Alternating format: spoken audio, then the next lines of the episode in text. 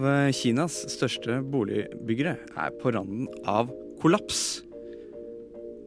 Hvordan går det galt med Evergrande? 9.11 er merkedagen for krystallnattens tragedier. Hvordan lever antisemittismen videre her, både i Norge og i verden? Og moderne høyreekstreme nettverk bruker innviklet symbolikk. Hva er egentlig 14 words?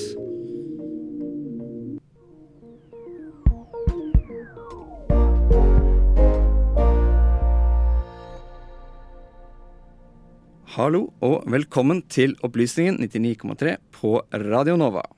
Mitt navn er Sebastian Hagel, og i dag skal du også få høre om eh, det nye reviderte statsbudsjettet presentert av eh, regjeringen til eh, Jonas Gahr Støre og Trygve Slagsvold Vedum. Og vi skal snakke om en flyktningkrise på vei inn i Hviterussland. Og denne kalde vintermorgen skal jeg ikke tilbringe alene. Jeg har med meg Helena Skrøder. God morgen til deg. God morgen. Og Amalie Sundby. God morgen til deg òg. God morgen. Flott å ha dere her. Jeg tok toget i dag morges, og på Strømsø torg i Drammen har de dratt fram den selvlysende elgen. Og det er for meg et tegn på at vinteren er her. Helena, hva er ditt beste vintertegn? Mitt eh, beste vintertegn, det må faktisk være hjemme i Bergen. Fordi eh, sånn neste helg, da, da er det faktisk lysfest. Og det er en sånn tradisjon i Bergen der eh, ja, julen på en måte ringes inn. Og det er en uh, veldig fin eh, samling som ja, vi alltid gjør hvert år. Og Amalie, vi har forberedt oss en del til dagens sending, for vi har mye vi skal snakke om. Hva ser du mest frem til til å snakke om i dag i dagens sending? Tja, det må jo kanskje bli statsbudsjettet, da. Og hvorfor det, Amalie? Nei, Det er jo veldig spennende å se på hvordan eh, regjeringen har eh, avveket fra Hurdalsplattformen. Så det blir jo spennende å diskutere. Ja, og dette og alt mulig annet skal vi komme tilbake til om ikke så fryktelig lenge. Men først skal du selvfølgelig få høre litt god Radio Nova-musikk her i Opplysningen på Opplysningen 99,3 på Radio Nova.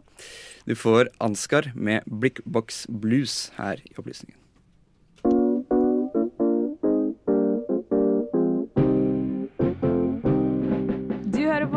Radio Novas samfunns- og aktualitetsmagasin Opplysningen. Hver fredag fra klokken 10 til 11 på Radio Nova. Opplysningen på Radio Nova.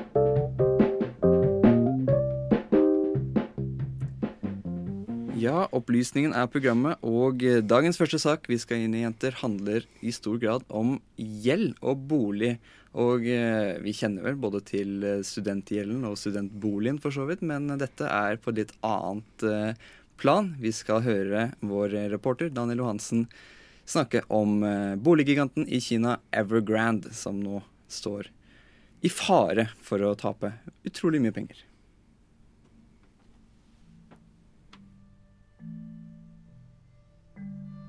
I Kina er fargen rød stort sett forbundet med kommunisme, velstand og stolthet.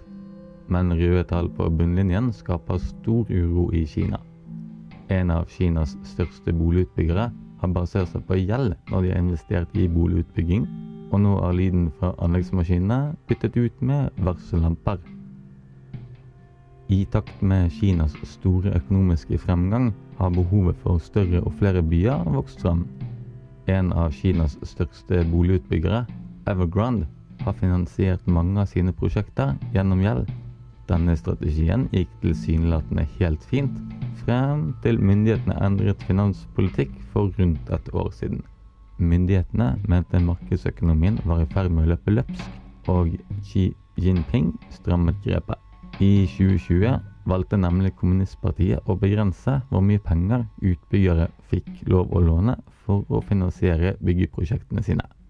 I motsetning til finanskrisen i USA, som ble utløst gjennom kjøp og salg av verdipapirer med ekstrem risiko og svært liten sikkerhet, er det i Kinas tilfelle en endring av finanspolitikken som har ført til krisestemning.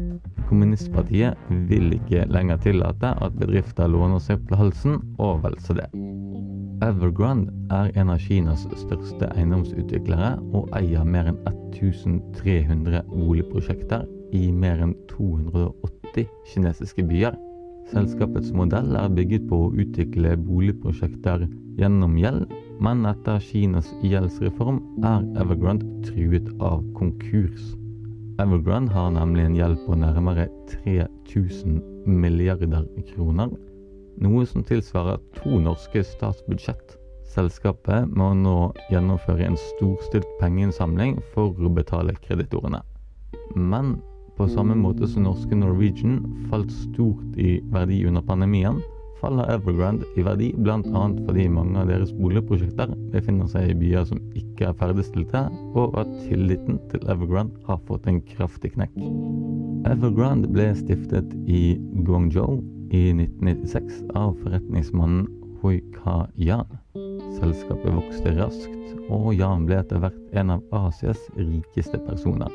Men de siste årene har han og selskapet tapt mye penger. Den høye risikoen i prosjektene gikk feil vei. Slik har det også gått med andre eiendomsutviklere i Kina. På topp ti-listen over Kinas rikeste var det tre eiendomsmoguler for noen få år siden, men nå er det bare én igjen.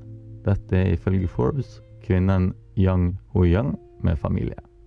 Mange av prosjektene til Evergrande står uferdig, og det er stor fare for at mange av prosjektene deres kollapser. På kort sikt er det problematisk at kineseres investeringer og sparepenger går tapt, men på lengre sikt kan det bli et statsproblem at nye byprosjekter står i fare for å ikke bli ferdig utbygd, og ringvirkningene er boligsprekk for, for resten av landets økonomi.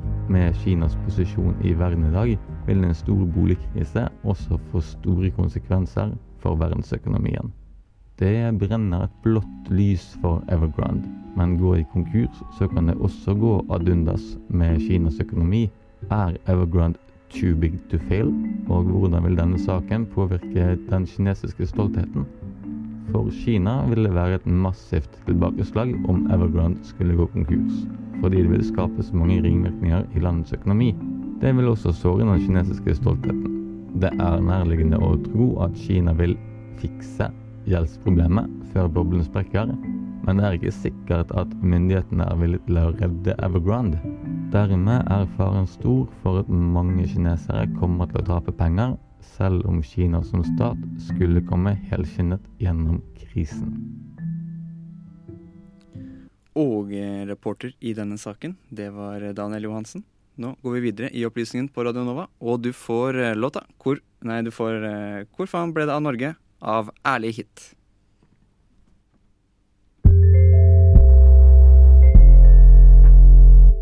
Teknologi og digitalisering gjør at det vi ikke fikk til for noen år siden, det er mulig nå. At det å stadig vekk skulle balansere mellom frihet og ufrihet Det er ikke noe særlig lurt å stole på viljestyrken, f.eks. Kirkas demokratisystem. Opplysningen hver fredag fra klokken 10 til 11.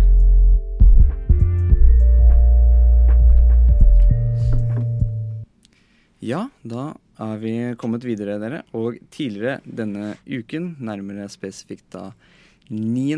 november, og for så vidt også 10. november, markerte 83-årsdagen for eh, pogromnatten, eller novemberpogromene. Eventuelt da krystallnatten i eh, Tyskland, hvor eh, en rekke jødiske bedrifter og mennesker og alt som var, ble drept, ramponert og ødelagt i de tyske gatene. Og eh, Amalie, kan du ikke begynne å fortelle oss litt fort om denne, denne hendelsen som skjedde i Tyskland? da? Jo, eh, det var jo da en koordinert hendelse i Nazi i Tyskland. Eh, men det var ikke bare i eh, Tyskland at det var ødeleggelser. Det var også Østerrike og deler av Tsjekkoslovakia. hvor jødene da ble utsatt for forfølgelser. Og ordet 'krystallnatten' kom jo da fra alt det knuste glasset um, i gatene etter at det hadde knust butikkvinduer. Men um, eh, dagens eh, forskere og også for så vidt Antirasistisk Senter og andre bruker nå ikke lenger ordet 'krystallnatten'. Fordi det var jo et ord som eh, nazistene selv brukte, og de var stolte av det. Eh, noen kilder så blir det til og med kalt rikskrystallnatten. Så Ja, for, og det gjenspeiler jo på alt glasset som var knust i gatene, Ja. og eh, skinnet av det som så ut som, som krystall. Og da var det en slags stolthet ved å ha ødelagt så mye eller å ha på en måte destruert fienden. da, på måte vis. Så det, det, trenger vi ikke å huske det på den måten, mener vel mange. da. Ja, Så i stedet så bruker vi nå ordet novemberpogromene. Og pogrom er jo et, russisk ord. Jeg har fått litt forskjellige oversettelser i researchen min. Eh, noen sier at det bare betyr ødeleggelse, eh, mens andre har utvidet det litt mer til å herje, ødelegge, rive ned med vold. Ja, Uansett høres det passende ut. Ja. Og det er jo mye å snakke om, men jeg skjønner at regjeringen hadde en markering til denne uken. Er det noen spesifikk grunn til at regjeringen valgte å markere akkurat på denne 83-årsdagen? Ja, altså I en pressemelding fra regjeringen så uttaler jo eh, Jonas Gahr Støre at eh, dagen er en viktig påminnelse om antisemittismens ytterste konsekvens, ikke sant. Um, de eh, ser med uro på omfanget av rasistiske og andre ytterliggående holdninger i samfunnet. Og da har de vel eh, litt eksempler, sånn som f.eks. 22.07. og uh, terroren i Bærum og sånt. Og statsministeren forteller jo da også at de har startet opp arbeidet med en ekstremismekommisjon, da. som skal undersøke hvordan og hvorfor ekstremisme oppstår. Mm, ikke sant? Og dette er jo ikke kun et problem i Norge, dette er et problem vi ser verden over at ekstremister tyr til vold. Vi så bl.a. denne skyteren på New Zealand på, i Christchurch for noen uh, år tilbake. Eh, som du forresten skal høre mer om uh, senere i sendingen. Og dette er jo da et gjennomgående problem at folk blir ekstremister. Og nå ønsker da Jonas Gahr Støre-regjeringen å ta aksjon rundt dette. Og da er det like godt å ta tak i denne pogromnatten som en hvem som helst annen situasjon. Vi skal videre i opplysningen på Radio Nova. Du får eh, Verdensrommet med siste gang her i opplysningen. What did I think when Maduro took power? Well, he's a clown. Finne et litt mer, litt mer nyansert språk der. Jeg tror vi bare skal forstå det sånn at dette dreier seg om teknologi. Du hører på Radio Novas samfunns- og aktualitetsmagasin Opplysningen. Hver fredag fra 10 til 11 på Radio Nova. Fredag fra 10 til 11 på Radio Nova er eh, klokka, og, eh, og stedet for så vidt. Og vi snakker fortsatt om eh, antisemittisme fordi det er 83 år siden pogromnattene, pogrom, novemberpogrommene i Tyskland. Og 83 år er jo for så vidt ikke så lenge i den lange historien av antisemittisme, Helena?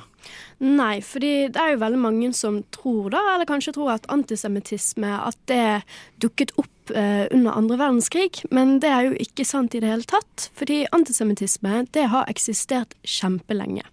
Um, og til og med sånn i Norge så hadde jo vi til og med en jødeparagraf. Uh, der det sto at jøder ikke har tilgang til det norske riket. Ja, eh, og jeg har også fått fisket fram eh, en leder fra Aftenposten i 1933. Det her er da funnet via Holocaust-senteret sine ressurser. Eh, og det var litt overraskende, det språket som var i den lederen. Jeg tenkte jeg skulle lese opp noen setninger her. Først så skriver han det kan ikke være tvil om at tyskernes aksjon mot jødene i disse dager skaper en forsterket jødesympati ute i verden, som disse Israels sønner neppe fortjener. Imidlertid mangler vi her i landet forutsetninger for å kunne dømme rettferdig om aksjonen mot jødene. Vi vet ikke noe om i hvilken utstrekning det tyske folks lidelser skyldes jødenes metoder og mentalitet. Vi vet bare at de er blitt forhatt, og vi får gå ut fra at dette ikke skyldes bare mindreverdighetsfølelse og misunnelse, men har reelle årsaker. Så her så syns jeg kanskje at han eh, lederen eh, har en litt antisemittisk holdning. Ja, jeg kan si det. Han høres jo nesten ut som en uh, moderne nynazist. Og apropos moderne nynazister, for det at det de, denne antisemittismen har vart lenge, og den kommer til å fortsette. For disse moderne nynazistene, som vi skal inn på i neste sak, har en viss måte å kommunisere på som vi nå skal få høre mer om fra vår reporter Sander Zakaria.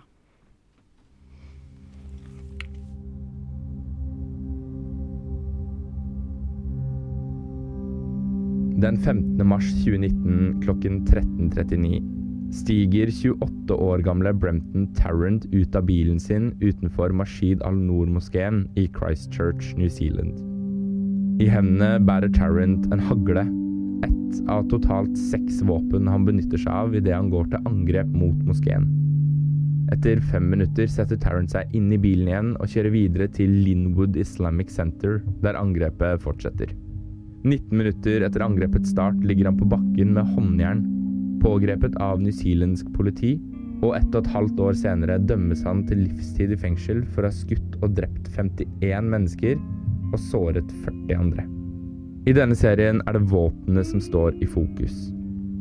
Ikke typen eller bruken av dem, men våpenes utseende. For på de sorte våpnene har Tarrant skrevet med tykke, tusjede, hvite bokstaver. Bokstavene utgjør forenklede ord. 200 forenklede ord som refererer til hendelser, personer eller ideer, med den intensjon om at hans likesinnede skal kjenne dem igjen og forstå meningen av angrepet. Hva ønsker Tarrant å kommunisere med denne påskriften? Og hva er begrepenes opphav? I denne serien vil jeg ta for meg noen av disse begrepene og forsøke å forklare opphavet og betydningen. Del 1 14 words. På sikte på det ene våpenet er det skrevet to ord. Øverst står tallet 14 med store bokstaver, og under ordet 'words' med mindre bokstaver. Hva er det dette refererer til? 14 words er et begrep som er best kjent som 1488, eller simpelthen 14, og refererer til et slags dogme bestående av nettopp 14 ord, som sammen utgjør setningen We must secure the existence of our people and the future for white children. Dette dogmet har sitt opphav i den amerikanske nynazisten David Lane, som skrev disse ordene mens han sonet en dom på 190 år. Tidlig i sitt liv viste Lane tendenser til et politisk ståsted på ytre høyre. Da han var kun to år, bryter andre verdenskrig ut, og David har selv fortalt at han og hans venner i en ung alder ofte leker at de er tyske soldater som kjemper mot amerikanere. Lane viser også tidlig en interesse for norrøn mytologi, og hevder at dette er den autentiske hvite religionen, i motsetning til kristendommen, som han mener har blitt sitat 'skitnet til av jødene'. Sitat slutt. I 1981 velges Lynn som leder for Aryan Nations i Colorado, en antisemittisk, nynazistisk og hvit overmaktsorganisasjon. Her møter han Robert Jane Matthews, som senere skal danne terrorgruppen The Order, der David finner sin plass. The Order er en gruppe med mål å frigjøre citat, vårt folk fra jødene og bringe total seier til den ariske rasen. Citat, slutt. Gruppen ønsker å etablere et eget land nordvest i USA, der jøder og ikke-hvite ikke vil få adgang. For å oppnå dette målet er gruppens hovedaktivitet forfalskning av penger, og dette med to mål. Det ene er å skaffe gruppen nødvendige midler, men det andre er å undergrave den amerikanske regjeringen ved å introdusere falske penger inn i sirkulasjon. I 1985 dømmes Lane til 40 år i fengsel for utpressing og korrupsjon. Og to år senere dømmes han for drapet på den jødiske radioverten Alan Berg sammen med Matthews, og ender med en totalstraff på 190 år i fengsel. Lane dør i fengsel av et epilepsianfall i mai 2007.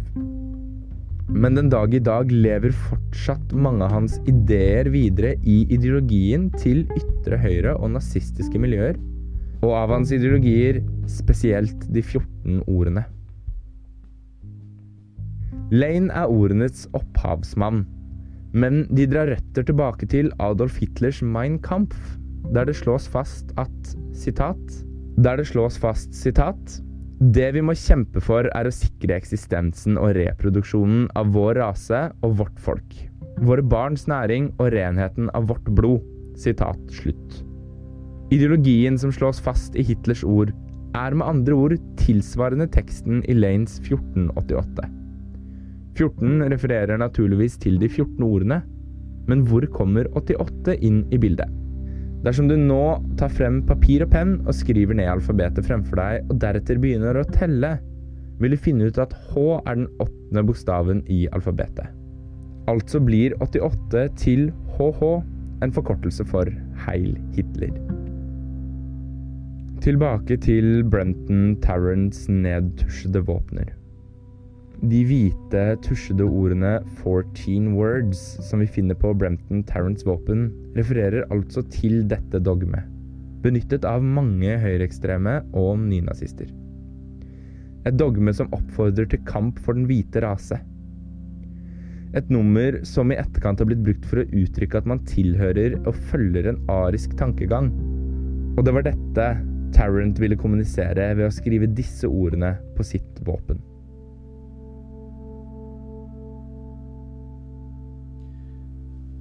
Og eh, reporter i denne saken, det var eh, Sander Zakaria. Vi går nå videre. Vi skal høre på Åse og Jada Jada før vi går videre og hører om grensekrisen mellom Hviterussland og Polen. Og så bruker han jo da også i forlengelsen av det dette ordet terrorist. ikke sant? På sett og vis er jo det USAs store gave til verdens uh, autoritære Finne et litt mer, litt mer, nyansert språk der. De arabiske statene prøver å føre en sånn politikk hvor de kan støtte palestinerne i retorikk, men i praksis holde seg egentlig unna konflikten. Radio Novas samfunns- og aktualitetsmagasin Opplysningen gir deg historiene, sakene og debattene andre overser. Aldri redd, alltid balansert. Aldri redd, aldri alltid balansert. Det må man passe på å si riktig, ellers blir det helt feil. Eh, er vi i Opplysningen 99,3, og vi skal nå få høre om eh, en migrantkrise, eller egentlig en grensekrise, mellom eh, Polen og Hviterussland.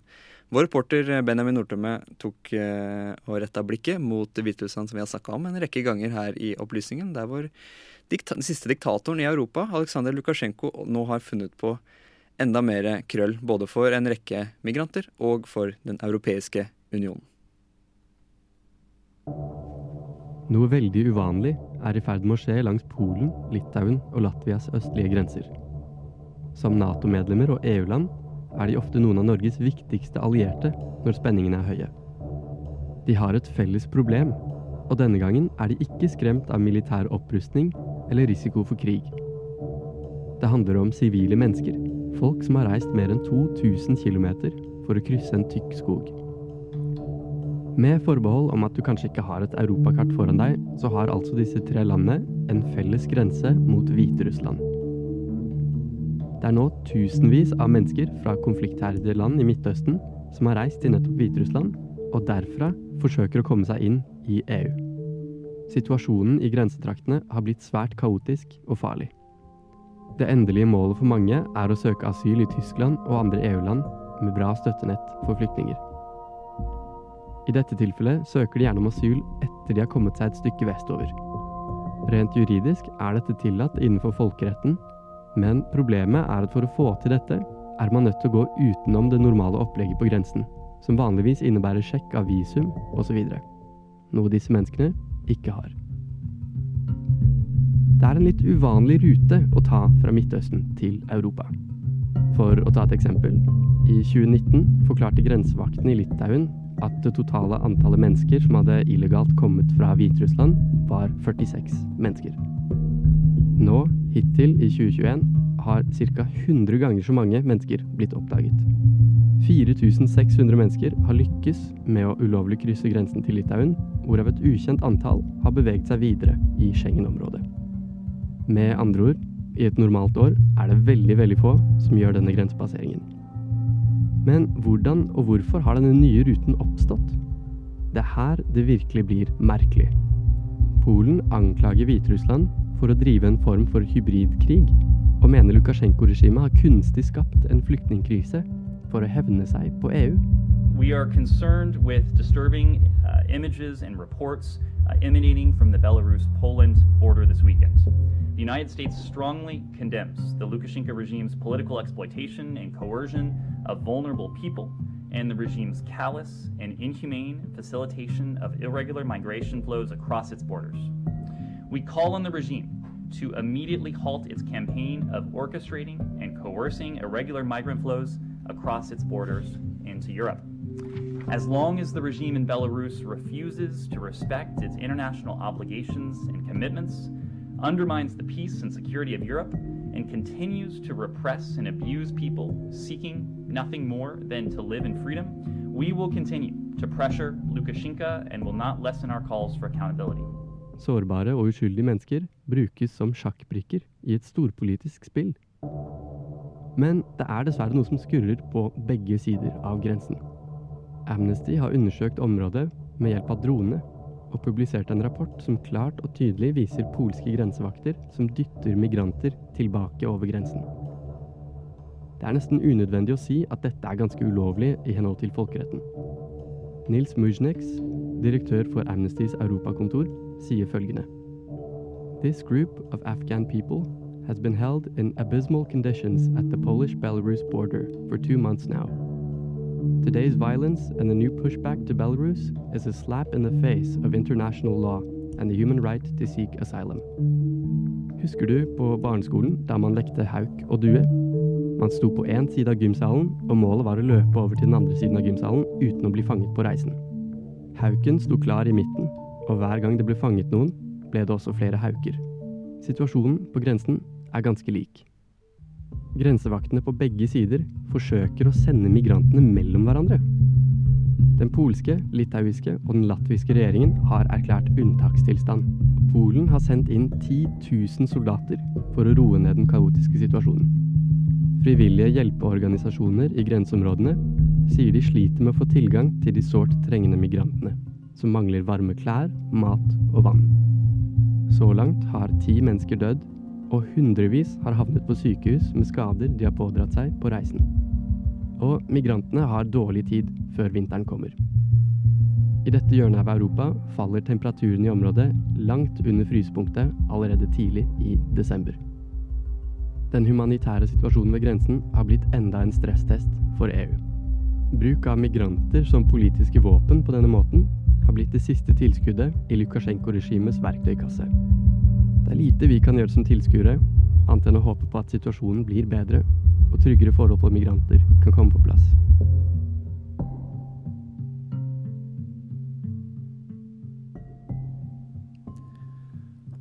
Og der hørte du eh, vår reporter Benjamin Nortemø. Vi skal straks, eh, straks gå videre og eh, høre om statsbudsjettet. Men først skal du få få eh, Tendo, Øystein Lunde og eh, Martin Seien med låta Geit, stavet G-E-I-O-T, med punktum mellom hver bokstav. Og så er også Radio Nova her for å gjøre opptak til sendingene sine. Opplysningen. Vi er der det skjer.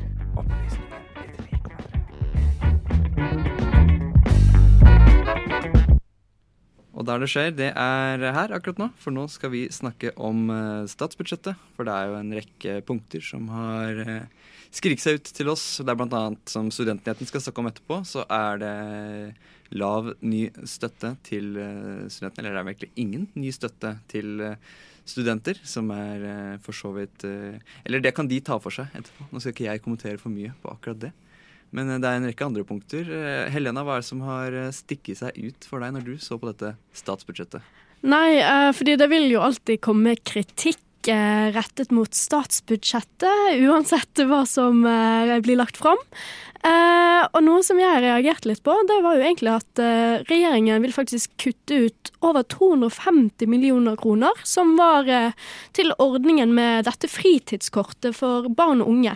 Ja, Forklar litt om det fritidskortet fort, hvis du kan. Ja, nei, dette fritidskortet dette er jo på en måte et slags eh, gavekort da, på en måte som blir gitt til unge, med, der du får 1000 kroner eh, hvert eh, halvår, hvert semester, som du kan bruke på ulike fritidsaktiviteter.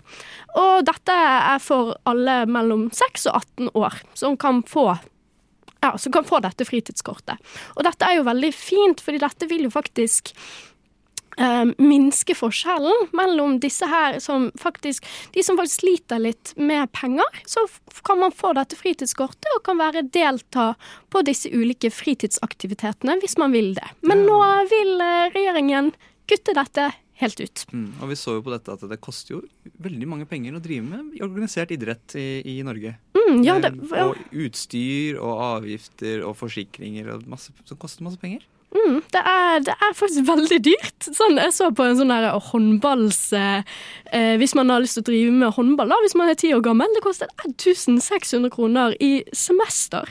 Ja. Det syns jeg var faktisk ganske dyrt. Ja, Det er bare avgifter til klubb, eller er det avgifter Ja, det var til sånn treningsavgift, var det. Mm, Mm. Sant? Og det er jo mer som kommer på oppå der igjen. Men det er jo, det er jo mer som, eh, som innfatter dette budsjettet, dere. Og eh, Amalie, jeg vet du har noen punkter du har lagt merke til også?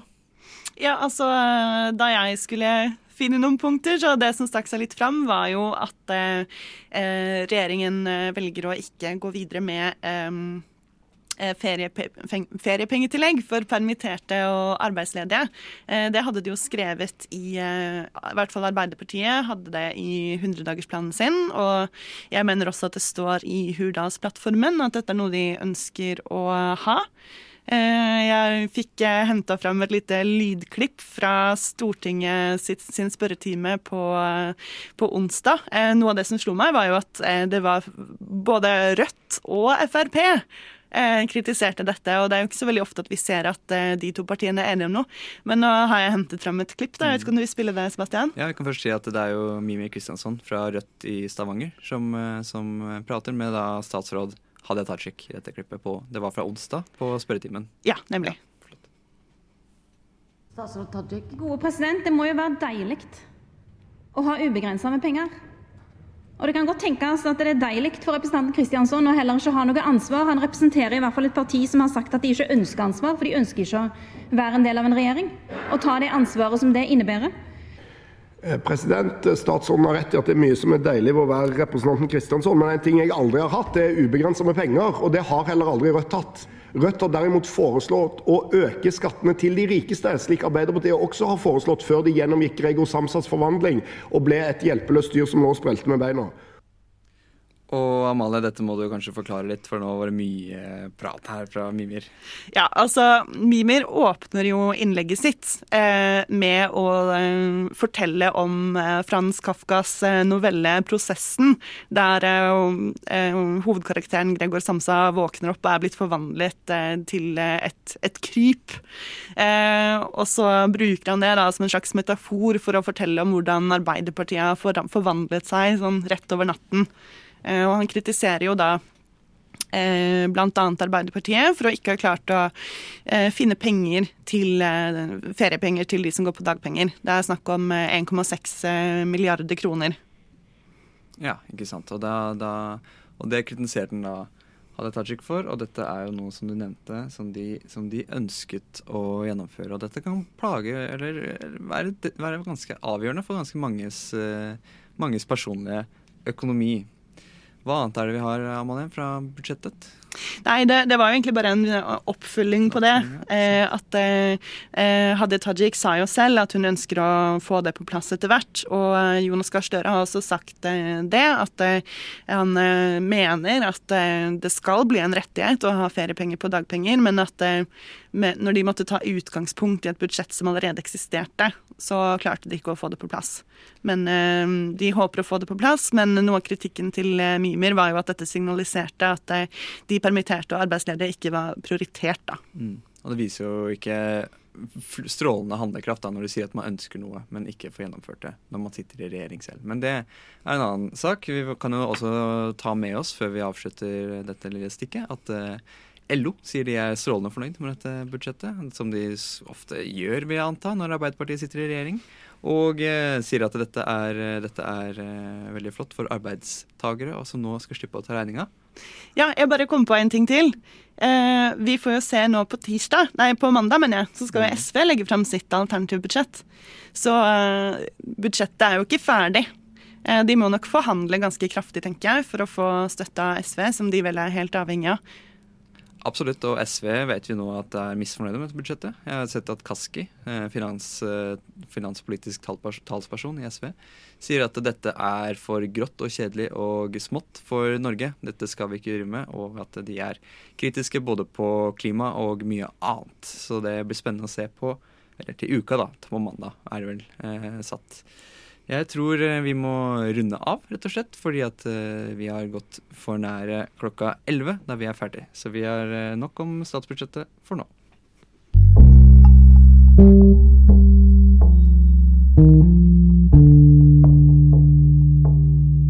And this is insane. I've never seen this in any other country. Never in my life. People eating from the trash, fighting about it. Eh, Når så mange er ensomme, så ligger jo på en måte ikke dette på, på individet lenger. Det ligger på systemet. Vi er i ferd med å ødelegge evnen vår eh, permanent kognitivt i hjernen til å konsentrere oss over lengre tid. Radio Novas samfunns- og aktualitetsmagasin gir deg historiene, sakene og debattene andre overser. Aldri redd, alltid balansert. Opplysningen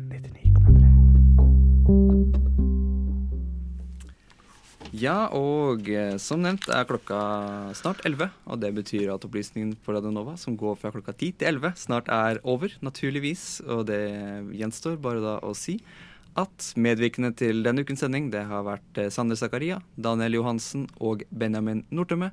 I studio har jeg hatt med meg Helena Skrøder og Amalie Sundby. Og eh, hvis du har lyst til å bli på kanalen, så gjør gjerne det, for etter oss kommer Studentnyhetene, som skal, eh, som annonsert, snakke om eh, statsbudsjettet og hva det har å si for studenter, og mye annet. God blanda drops, som de pleier å gjøre. Ellers så gjenstår det bare å si eh, god helg fra oss her i studio. God helg. God helg.